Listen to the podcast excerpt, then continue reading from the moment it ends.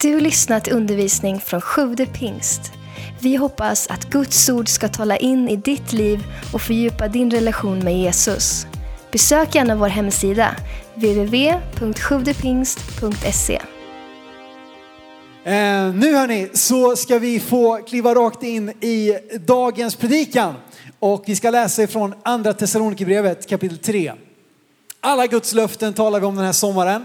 Och eh, Bibeln är helt fullproppad av löften. Eh, man kan räkna på lite olika sätt, men man kan nog säkert säga att det finns minst 3000 löften i Bibeln. Kanske 5000, det är, man- det är lite hur man räknar och sådär. Men det är fullproppat med löften.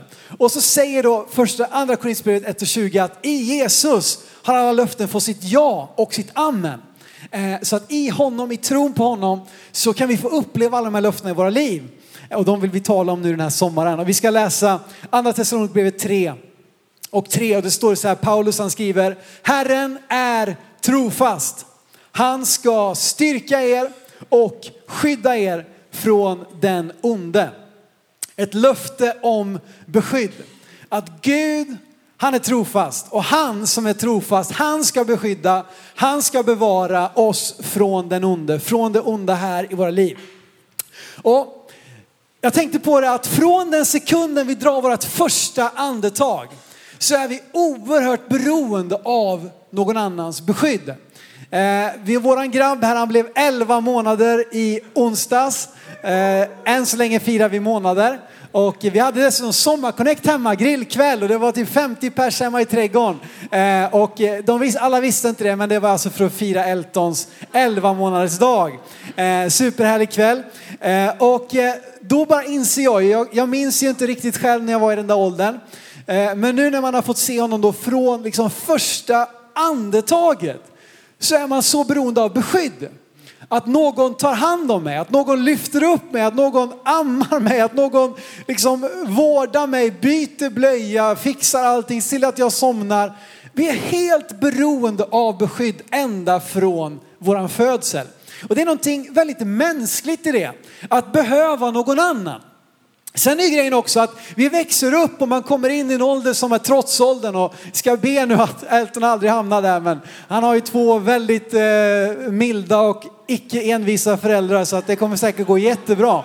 Eh, men du vet att allt eftersom vi växer så blir vi mer och mer övertygade om vår egen förmåga. Och vi börjar känna, nej men jag klarar av det här, jag klarar mig själv nu, jag fixar det här, jag kan det här. Och så kan det bli så att vi glömmer bort vårt beroende av någon annans beskydd. Och så börjar vi satsa på oss själva. Vi, vi, vi, vi sticker iväg, vi testar det här, vi provar det där, vi lämnar liksom kanske Gud bakom oss, vi lämnar våra kanske relationer bakom oss. Vi är lite som, vi ska ut på äventyr, vi ska testa själva. Och så tror jag det är så att vi förr eller senare kommer inse att här tar jag slut. Här slutar min förmåga, här kommer jag inte längre. Eh, och kanske är det då att du har kommit så långt att du befinner dig liksom på en väldigt mörk plats. Du kanske befinner dig på, på liksom livets botten på något sätt. Eh, därför att du har bara satsat på dig själv.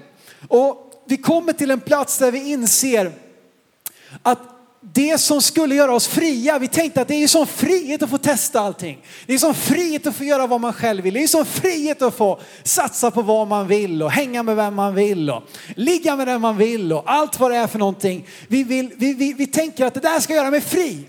Och så inser vi att det där som skulle göra mig fri, det har i själva verket bara bundit mig mer och mer och mer och vi sitter till slut fast. Och vi kommer till en plats där vi på nytt, precis som vid födseln inser att jag kommer inte härifrån själv. Jag behöver någon annan. Eh, och eh, oavsett vilket eh, så kommer Gud in där. Eh, och han måste inte heller vänta tills det är så kört att du nästan inte liksom vet hur du ska ta dig vidare. Han kan vara med dig hela vägen och skydda dig hela vägen.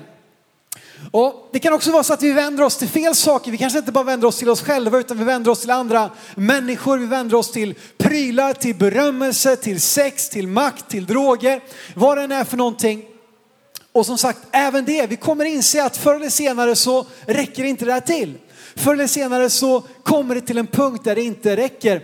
Eh, och eh, i allt detta så, det här osäkra, vi lever i en ganska osäker värld. Liksom. Det, är, det, är inte så mycket som är säkert egentligen. Det är inte så mycket som är självklart. Men i allt det där osäkra, i allt det som, som vi vet inte riktigt, är det ljust, är det mörkt, är det bra, är det, är det dåligt, är det gott, är det ont? Så står Gud som en motpol i allt det här. Han står där när allting annat sviker. När allting annat skiftar mellan ljus och mörker, när allting annat liksom ibland så funkar, ibland funkar det inte, så står Gud där och är trofast. Han står fast och han ska beskydda. Han ska bevara. Och därför är mitt budskap till dig idag att Gud vill komma in i ditt liv och beskydda dig och bevara dig. Och för dig som har tagit emot Jesus, för dig som kanske vuxit upp i, i, i, i liksom med tron och med Jesus som en naturlig del av ditt liv, så kan du få gå igenom hela ditt liv med Guds beskydd. Och för dig som just nu befinner dig på den platsen, där du är liksom i slutet av dig själv, där det är ett mörker, där du har blivit bunden, så är Gud också mäktig nog att sätta dig fri och få låta dig komma in under den högstes beskydd. Och vet du vad, du kommer behöva det. Tro mig. Du kommer behöva det. Det kommer tillfällen, du kanske är där just nu där du behöver Guds beskydd. Och det här beskyddet som Gud vill ge, det är ett heltäckande beskydd. Alltså det, det, gäller inte bara en liten del, eh, liksom, eh, du vet vi kan teckna försäkringar och, och, och, jag vet inte, när man skaffar hus då blir det helt plötsligt en massa nya försäkringar som man behöver. Och, eh, man får barn, det blir nya försäkringar, bilar en ny försäkring och husdjur ska man ha försäkring och ska man ha drulleförsäkring. Och då kan vi skaffa de här försäkringarna liksom som täcker olika behov. Eh, men Gud är inte sån. Han är inte sån att det bara täcker en viss del av ditt liv utan han vill ge dig ett heltäckande beskydd. Och ett av de bästa exemplen på det i Bibeln det är psalm 91. En helt fantastisk psalm, vi ska läsa den i sin helhet alldeles strax. Eh, och du vet, vi lever i en svår tid. Vi lever i en tuff tid, en mörk tid rent av.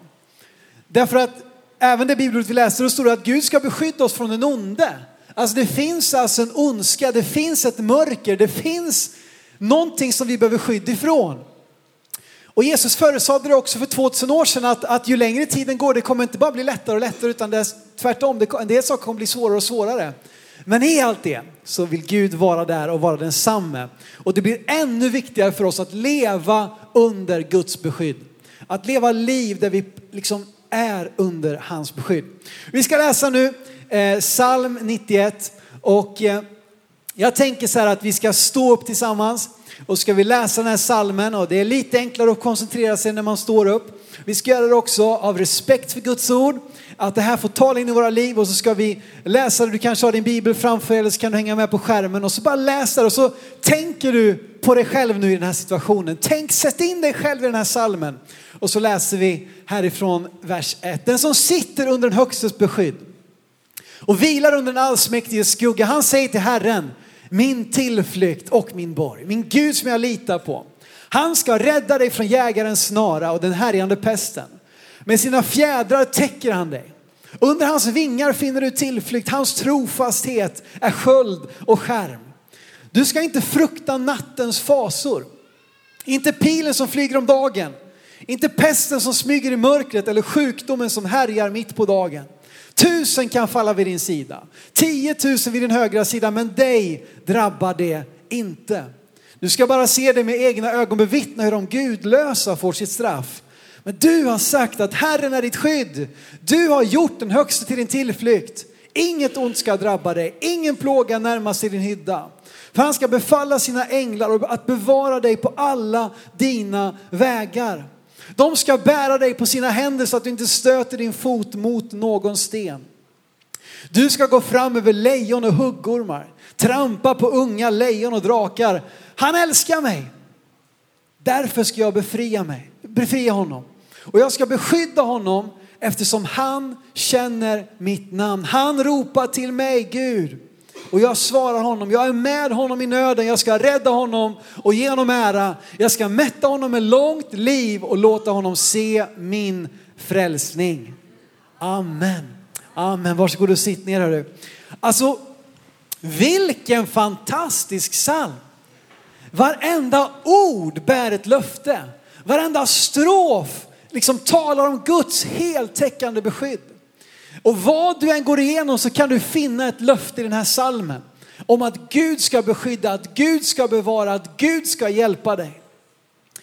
Alltså, det är nästan för bra för att vara sant. Och det är så faktiskt med evangeliet att det är för bra för att vara sant. Vi förtjänar inte. Vi, vi, kan inte, vi kan liksom inte uppnå en plats där vi borde få ta emot allt det här goda som Gud vill ge oss, men ändå så vill han göra det i våra liv. Det står att varken djävulens dolda snarare, tänk på det att en snara är sällan synlig. Det är det som är poängen, att det ska, det ska, det ska få oss att, att trampa i fällan när vi är minst liksom med på det. Eh, och djävulen han är ute efter att sätta dit dig och mig. Han, han, lägger, liksom, han lägger ut grejer men där vill Gud beskydda dig. Det står här om, om härjande pest, om nattens fasor, eller på engelska står det om, om eh, nattens terror. Och jag talade med någon bara precis innan här som hade upplevt mardrömmar efter, efter, efter sorg av en nära eh, bekant. Och där i nattens fasor, i nattens terror, så vill Gud beskydda dig och bevara dig. Jag har ett sånt vittnesbörd själv om just den grejen att när jag var liten, jag, jag, jag drömde mardrömmar eh, ibland och eh, så brukade jag, då var jag så liten så jag kutade in till, till mamma och, och eh, ibland så fick jag sova där hos mamma och pappa och då kändes allting mycket bättre. Och, eh, och jag vet att ibland var det ganska allvarligt. Jag vet någon gång så upplevde jag som jag såg en mörk gestalt i mitt rum. Eh, och det kändes liksom, eh, jag, kan, jag ska inte säga att det var det, men det var otroligt påtagligt. Och en ung kille och jag var livrädd. Jag sprang in till mamma och till slut så blev hon lite trött på att alltid bli störd i sin nattsömn. Så hon sa till mig, Simon nu går du tillbaka och lägger dig. Så när du lägger dig där så bara säger du namnet Jesus. Säg namnet Jesus tills du somnar. Säg det ut högt. Jesus, Jesus, Jesus. Jag har berättat det här andra tillfällen också, men jag gjorde det där. Och i början så var det lite otäckt. I början så kändes det fortfarande lite obehagligt. Men ju mer jag sa Jesus, Jesus, Jesus, Jesus. Det var inga uttänkta böner, inga liksom fina ord, inga memorerade bibelverser. Det var bara ett enda namn. Namnet Jesus. Och så kände jag hur atmosfären skiftade där i rummet. Och efter det så hade jag fått ett redskap som jag bär med mig än idag. Att vid tillfällen där jag inte själv vet, när jag känner mig orolig, så bara säg namnet Jesus. Men säg det ut högt. Våra tankar, våra, våra hjärt, liksom det som pågår inne, det är svårt att ta på, men dina ord, de blir verkliga. Nattens fasor ska inte kunna skrämma dig. Och det är ett skydd som gäller dygnet runt. Det står här om nattens fasor, det står om det som sker mitt på dagen. Alltså det, det är round the clock, 24-7. Gud han, han sover aldrig.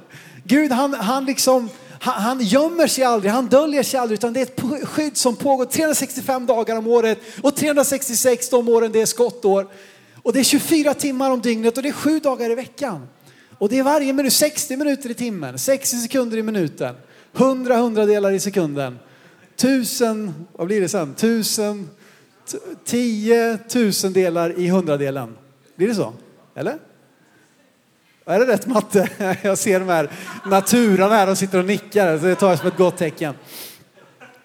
Du vet att dyng, det, är ett heltäckande beskydd. Andra ska, ska falla men du ska stå. Alltså det är en sån fantastisk psalm. Och då är det lätt att tänka, ja men åh, det är en fin psalm, det är vacker poesi. Men jag tror att det är mer än så. Jag tror att det här är sanningar som Gud har inspirerat, i det här fallet förmodligen Mose. Det, det, står inte längst upp vem som har skrivit det, men Mose skrev salmen innan och då brukar vissa judiska eh, liksom, lärare tänka att om det inte står någon ny författare så är det den senaste eh, författaren som har namngett, så det är Mose. Så att jag tror att Gud han har uppenbarat det här för Mose. För att du och jag skulle få tag på det beskydd som han vill att du och jag ska få leva i. Och Mose som sagt, han har skrivit också salmen innan, psalm 90. Och Sven var inne lite på psalm 90 när han predikade, startade det här temat eh, om, om, långt liv. Eh, och de här två psalmerna vittnar om två helt olika liv. För psalm 90 där ser vi väldigt mycket utav, utav Guds dom och, och, och Mose ber att de ska förstå att deras dagar är räknade. Och jag tror att han skriver den psalmen utifrån att Israels folk som har vandrat i öknen på väg mot löfteslandet, de har sagt sitt nej till Gud. De har blivit förrädda för jättarna, de har blivit förrädda för, för liksom alla fasor som väntar. Vi kommer aldrig kunna ta in ta det här löfteslandet. Och de har börjat tvivla på Gud och de döms att vandra i 40 år i öknen och faktiskt dö där i öknen och inte komma in i det som Gud hade lovat. Varför då? För att de inte litade på Guds löften. De litade inte på att Gud var mäktig att hålla det han har lovat. De litade inte på att Gud var större än de där välväxta eh, typerna som bodde i Kanans land. De började tvivla på Gud, på Guds förmåga. Och det gjorde att de fick ägna resten av sitt liv, inte att leva i slaveri. Det har de lämnat i Egypten. Men de fick leva i nätt och jämnt. De fick gå i öknen, de hade så de klarade sig men inte så mycket mer. Och de gick miste om Guds löften. Men sen att tänka att, att Mose då fortsätter att skriva psalm 91 som en kontrast och visa på det liv som Gud verkligen har tänkt, det som han har liksom planerat för oss. Eh, det som skulle kunna vara. Det livet som Gud hade tänkt. Det som finns tillgängligt för oss att alla Guds löften får sitt ja och amen i tron på Jesus Kristus. Och jag vill uppmuntra dig. Ta din bibel, ta din mobil, mobil med bibelappen och gör psalm 91 till en, en regelbunden bön över ditt liv. Gör psalm 91 till en regelbunden bön över din familj, över, över våran kyrka, över, din, över de du har omkring dig, dina vänner och be ut det här. Tro på det, ta emot det och gör det till en bön. Det är en sån styrka att använda Guds ord i vårt eget böneliv. Därför att Guds ord är sant, Guds ord är, är mäktigt och verksamt. Så ta det här och låt oss leva liv där vi sträcker oss efter att komma in under den högstes beskydd. Så vem är det här livet för? Du vet, psalm 91 är så fullproppat av välsignelser att det är nästan som sagt för bra för att vara sant. Och ibland så citerar vi alla Bibelns välsignelser men glömmer bort att det ibland finns någonting som kallas villkor. Och så fort vi ser ett löfte, så fort vi ser en välsignelse så måste vi också fråga oss, finns det någonstans i texten här ett villkor för mig att komma in i den här välsignelsen? Finns det någonting som Gud har sagt som han har satt upp att gör det här så får du det här? Ibland citerar vi bara välsignelserna men vi, vi vill inte låta Gud ta kontroll i våra liv och också påverka våra val och vår livsstil och liksom följa det han har sagt att vi ska göra för att komma in i det där löftet. Och sen upplever vi inte välsignelsen som vi, som vi har liksom memorerat och satt upp på väggen och så vidare. Och så anklagar vi Gud för att han inte gör det han har lovat att han ska göra. Men faktum var att det var ju vi som hade missat att det fanns en väg in i löftet. Det fanns en väg in i välsignelsen. Till att börja med är den vägen in namnet Jesus. Att säga Jesus, kom in i mitt liv. Bli min frälsare. Och allt därefter är påbyggnadskurser. Allt därefter är tillägg där vi kan få växa, komma, bli mer lika Jesus och komma närmare Gud. Liksom låta den helige ande få komma in och kontrollera område efter område i våra liv. Men allting börjar med tron på namnet Jesus och sen kan vi få växa utifrån det. Men jag ska titta här, den som sitter under en högstes beskydd. Vem är det? Vad är det för villkor som den här salmen visar för att vi ska få uppleva Guds beskydd? Och jag tror att det finns tre stycken nyckelverser, eller fyra kanske, eh, som vi ska titta lite närmare på. Som alla visar vägen in under Guds underbara beskydd. Det första vi läser är psalm 1, eller vers 1. Det står att den som sitter under den högstes beskydd och vilar under den allsmäktiges skugga. Nummer ett, jag sätter mig och vilar. Skönt va? Det är, det, är, det är nummer ett för att komma in i Guds beskydd. Jag sätter mig under och jag vilar under den högsta skugga. Jag sätter mig under. Att sätta sig under någon är ju ett sätt att underordna sig någon. Vi kan läsa om hur, hur, hur de ibland satte sig vid Jesu fötter för att lyssna till hans undervisning. Det var ett sätt att underordna sig, att, att ta emot, att sättas på en plats där man säger du är Herre, jag vill lyssna på dig, jag vill ta emot ifrån dig. Och det är nummer ett. Att låta Gud bli Herre i våra liv, att sätta sig ner. Det är också en plats där, där vi inte kan, vi kan inte bara springa iväg om vi sitter. Om vi står, då är det ganska lätt att gå därifrån, eller hur? Men om vi sitter ner, säkert om vi har passerat 30 och några år till, då blir det lite jobbigare att röra på sig och ta sig vidare snabbt därifrån. Men att sätta mig under Gud tvingar ingen men välkomnar alla. Att sitta under vittnar om ett underordnat Gud är min Herre. Att vila också under den, den allsmäktige skugga, det visar att jag inser att det handlar inte om mig. Det handlar inte om min förmåga. Det är Gud som är allsmäktig. Det är han som har kontrollen, det är han som har makten. Och jag vilar under hans skugga. Och nu det är alltid lite svårt med de här bilderna med, med sol och hetta och skugga och så här när man talar med nordbor. Vadå skugga? Solen lyser, vi måste ut i solen. Och nu ska du inte tänka den här liksom midsommaraftonsskuggan i 13 grader snålblåst. Det är inte det vi pratar om här. Tänk dig mer medelhavsskuggan. Vet, det är varmt, 27 grader i skuggan, det är en mild och, och ljuvlig bris ifrån fläktarna som, som, som, som rör, nej, från, från havet naturligtvis. Där sätter jag mig och vilar. Därför att det är Gud som strider, det är Gud som beskyddar, det är Gud som har makten. Och jag kan vila under hans skugga. Det är han som är allsmäktig. Jag sätter mig och vilar, jag underordnar mig och jag släpper kontrollen till Gud. Nummer två, vi läser vidare i, i vers 9. Så står det här om den här som sitter där under högstes beskydd. Det står att du har sagt att Herren är ditt skydd. Du har gjort den högste till en tillflykt. Och likadant i vers 2. Han säger till Herren min tillflykt och min borg, min Gud som jag litar på. Nummer två, jag talar ut och säger. Vad är det jag med mina ord säger? Mina ord och vad jag säger är min bekännelse. Det är det som jag bekänner över mitt liv. Ibland så har vi en väldigt tydlig tro här inne, eller vi tänker oss det i alla fall, men våra ord talar om någonting annat. Så vad är det jag säger? Vad är det jag talar ut? Eh, och jag tror att det är viktigt att tänka på vad vi säger. Att säga Gud är min tillflykt. Eller när räkningarna hopar sig där hemma liksom och du funderar på om du ska ge till Gud eller inte, säger du Gud är min försörjare. Det är honom jag litar på med min ekonomi. När du tvivlar på olika saker, att tala ut Herren är min herde. Herren är min tillflykt. Herren är min borg. För det kommer sedan leda till handlingar. Hjärtats tro leder till ord som föder handlingar. Och låt också dina ord och handlingar stämma överens med hjärtats tro. Att jag talar ut och säger. Det kan tyckas vara väldigt oskyldigt att säga saker som peppar, peppar, ta i trä. Eller säga ja men det är typiskt mig, det är alltid så. Eller säga ja, ja jag blir nog sjuk till slut. Alltså vi säger sådana här saker. Eh, och, och, och, och, ibland så tänker vi inte på det kanske, och ibland så kanske vi tänker på det. Men jag tror att vi ska tänka efter lite. Alltså, vi är inte vidskepliga människor som går och tror att vi ska ta i trä för att, för att liksom missa olyckan. Det, det är inte det som, som leder dig in i ett, ett liv under Guds beskydd. Det är genom att tala ut att Herren är min tillflykt. Herren är min borg. Och därför tror jag att vi ska vaka lite över faktiskt de här uttrycken som vi ibland slänger oss med. Eh, och, och istället tala ut Guds ord. Eller ger jag upp min tro och bekännelse så fort ett hinder kommer? Vi sjunger och vi lovar och vi prisar Gud och så kommer ett hinder och då så talar vi om något helt annat. Nej, Gud han var inte den han sa sig vara.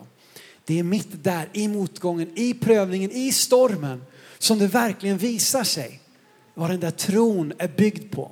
Är den byggd på dig eller är den byggd på Guds allsmakt?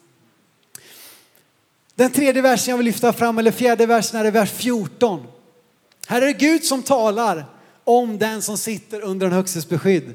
Gud säger om den personen att han älskar mig. Därför ska jag befria honom. Och jag ska beskydda honom eftersom han känner mitt namn. Jag älskar och känner. Grunden för hela vår gudsrelation är inte vad vi kan åstadkomma. Grunden för hela vår gudsrelation är kärleken. Först och främst Guds kärlek till oss. Men i respons, när vi, får, när vi blir träffade av Guds kärlek, så blir vår omedelbara respons att älska honom tillbaka. Vi älskar därför att han först har älskat oss, säger Johannes i första Johannes brev 4. Att vi älskar honom, det är grunden för att vara under Guds beskydd. Att älska Gud. Att älska Herren din Gud av hela ditt hjärta, av hela din själ, av hela ditt förstånd. Eh, och dessutom så står det här att han känner mitt namn. Du vet att kalla honom vid namn. Tala ut hans namn när du talar med honom. Jesus, säg Herre, Herre du är min frid, du är min far. Gud jag älskar dig, du är Herre min herde och så vidare. Han känner mitt namn. Du vet, det är någonting mer att känna någons namn än att kunna någons namn. Jag kan, ja, Herman, han är Herman, men jag känner Herman. Om jag vet, jag vet vem, vem, vem det där namnet representerar. Och när Gud ska presentera sig för oss genom gamla testamentet så gör han det hela tiden genom att presentera sitt namn. Jag är Herren din läkare. Jag är Herren din rättfärdighet. Jag är Herren ditt segerbaner. Jag är, på det sättet visar Gud oss vem han är. Och genom att känna hans namn så växer vår kärlek till honom. Och vi kan få komma in och få tag om Guds beskydd och leva i det beskyddet som han har lovat oss. När de här tre hemligheterna har landat i mig, att jag sätter mig under, jag vilar i hans skugga därför att det är han som har all makt. Jag talar ut och jag, mina ord, mina handlingar bekräftar hjärtats tro. Och jag älskar Gud och jag känner hans namn. Jag är fylld av hans namn. Jag är fylld av hans ord som talar om vem han är. Och det bygger min kärlek till honom ännu starkare. När de här tre hemligheterna har landat i våra liv så tror jag att vi kan få uppleva fullheten av Guds beskydd. Jag tror på fullaste allvar att vi kan gå igenom ett liv utan att drabbas av liksom den värsta tänkbara händelserna. Att vi kan få uppleva ett underbart beskydd. Guds välsignelse. Där vi aldrig behöver komma dit där det är så mörkt, där det är så tungt att vi inte vet vad som är höger och vänster. Men i det, om du får uppleva ett sånt liv, så glöm inte bort vem som är orsaken till din välsignelse. Vem som är orsaken till ditt beskydd. Glöm inte bort att tacka Gud. Även när det går som bäst och påminn dig själv om att det är så här därför att Gud har bevarat mig. Gud har beskyddat mig. Han har varit med mig i allt. Och jag vet också att det är så att, att det är många som kan vittna om att mitt liv ser inte ut så här. Mitt liv är inte så. Du vet inte vad jag har gått igenom. Du vet inte vilken smärta jag bär på. Du vet inte vilka, vilka plågor som har drabbat mig och min familj och mina nära och mina kära. Jag upplever nöd, jag upplever nattens fasor. Jag går igenom plågor. Och det är så där också. Det faktum att Gud är vår beskyddare blundar inte för att det finns en annan sida. Det finns en ond, den onde som försöker sätta dit oss. Och grejen är att det är ju där vi behöver beskydd. Vi behöver inget beskydd om det inte finns några faror. Så att om ditt liv, om du stöter på, möter motgångar, möter saker som är kämpiga, så är det exakt därför du behöver Guds beskydd. Och vad stod det här i salmen? Det stod att jag är med honom i nöden. Oavsett vad du går igenom så är Gud med dig i nöden. Han står inte tio meter bort, han står inte och ropar på andra sidan. Hallå, kom hit! Nej, han är med dig i nöden. Och oavsett vad du går igenom så är Gud med dig. Han är där. Jesus ber så här faktiskt i Johannes 17 och 15. Och vi ska läsa ett par bibelord som, som skrivits ner av Johannes. Johannes 17 och 15. Att jag ber inte att du ska ta dem ut ur världen, utan att du ska bevara dem från det onda. Så det handlar inte om att vi ska liksom lämna den här världen, att vi kommer leva liv som liksom, vi leviterar, vad heter det, vi svävar här uppe en bit ovan. Nej, vi är i den här världen men att i det ska Gud bevara oss från det onda. Likadant säger Johannes i 1 Johannes 5 och 19. Och jag läser lite snabbare nu men du kan skriva ner bibelreferensen. Det står att vi vet att vi är av Gud. Det vet vi. Men vi vet också att hela världen är en ondes våld. Alltså det finns en ondska i den här världen. Det finns ett mörker och vi behöver inte liksom titta på särskilt många nyhetssändningar för att förstå det. Och vi kan vittna om saker vi har upplevt i våra liv. Men i det så är Jesu bön att han ska bevara oss från det onda. I allt det så är Jesus, Guds löfte att han är, han är trofast. Han ska skydda er. Han ska bevara er från det onda. Du vet att i den här världen får vi uppleva orättvisor. I den här världen så finns det mycket förbannelse, mycket ondska. Men vet du vad, vi är inte av den här världen. Vi som har tagit emot Jesus i våra liv, vi har trätt in i ett nytt rike. Och vi är inte längre under förbannelsen. Vi är inte längre under mörkret. Mörkret har inte det sista ordet över våra liv längre. Därför att vi har ett ljus som bor i oss. Hans namn är Jesus. Och i honom så kan vi gå igenom vilka svårigheter livet än för oss och vi kan få vittna om Guds beskydd. Jag blev så påminn om det när vi var på min farmors begravning här för drygt en vecka sedan. Elsa, pastors fru, mor till sju eller åtta, de hade en extra son. Och hon gick genom hela sitt liv trofast och kunde vittna om att Gud har varit med, om att Gud har skyddat. Och faktum är att, att Guds beskydd är orsaken till att jag överhuvudtaget står här. På den här begravningen så berättar mamma en berättelse eller en story om sitt liv som hon inte har berättat nästan för någon. Jag, jag, hon berättade för mig faktiskt bara för något år sedan. Men hon berättade om, om hur efter att hon hade fått mina två systrar, äldre systrar, Sandra och Therese. Och Sandra är här idag, vilket är jättekul. Det var en rolig överraskning idag. Men hon var väldigt deprimerad efter de här två, föd, de här två graviditeterna. Hon sa efter andra barnet att aldrig mer, inget mer barn. Inget mer barn överhuvudtaget. Jag orkar inte med det där. Och var liksom nere i en, i en, ja, en depression helt enkelt. Hon berättade inte det för särskilt många, men en som hon berättade för var min farmor. Och så flyttade de ner till Moholm här och kom närmare där vi ju har bott sedan dess ungefär. Eh, så upplevde min farmor när hon umgicks med Gud att Gud sa någonting till min mamma. Så hon träffade min mamma och så sa hon att, att du, det är en sak, jag vet inte ens om jag vågar säga det, men, men jag upplever att Gud har sagt det till mig så jag vill ändå säga det till dig. Hon sa så här att, vet du vad Rigmor, jag tror att ett sätt för dig att komma över den här depressionen och komma vidare är att få ett till barn. Och jag vet inte hur min mamma reagerade på det just då, men det där födde nog någonting. Ett frö i henne. Och en tid därefter så, så väntade de mig. Um, och att någon umgicks med Gud så nära, hade gjort den högste till sitt beskydd.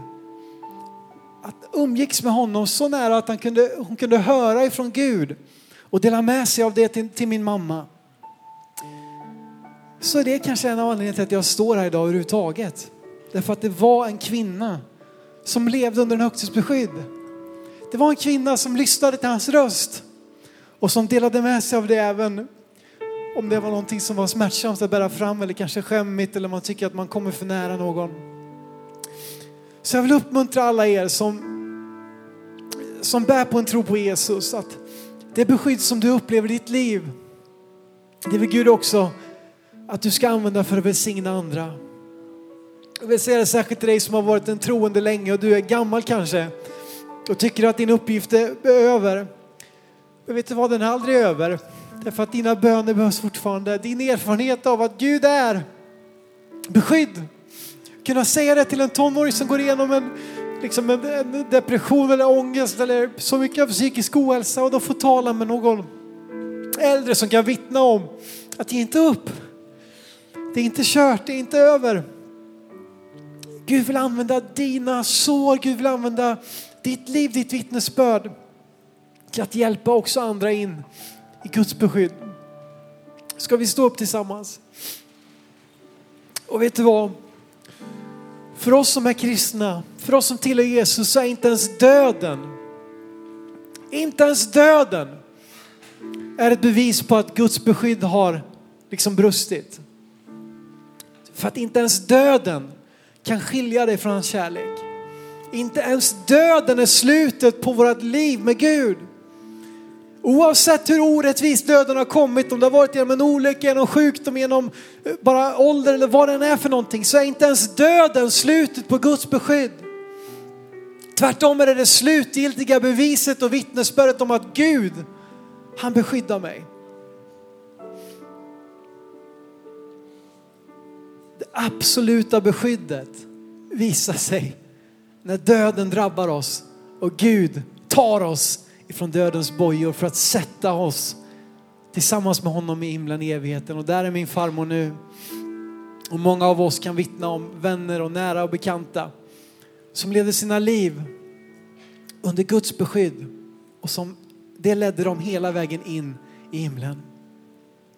Paulus säger i Filipperbrevet 1, för mig är livet Kristus och döden en vinst. Guds beskydd är så omfattande att inte ens döden kan skilja oss ifrån det. Lovsångsteamet, ni kan gärna komma fram här så skulle jag bara vilja be en bön just nu. Tillsammans med dig om beskydd. Jag tror att det kan finnas människor här som, du är en kristen, men du upplever just nu att du är under attack. Kanske att du upplever nattens fas och vi ska, jag tror att det finns faktiskt kanske någon mer här också som kämpar med mardrömmar. Du är ett barn till Gud men ändå kommer det under nattens fasor. Så kommer de där mardrömmarna, vi ska be i Jesu namn just nu. Och frid över ditt, över ditt hjärta, över ditt sinne. Att du ska kunna lägga dig ner som saltaren säger. I frid lägger jag mig ner och vilar. För att Gud är mitt beskydd. Jag vill be för dig. Och om du finns här idag som bara upplever, jag behöver få uppleva Guds beskydd i mitt liv just nu. Så vill jag be en bön tillsammans med dig. Och där du står, om det finns något område i ditt liv där du just nu behöver Guds beskydd.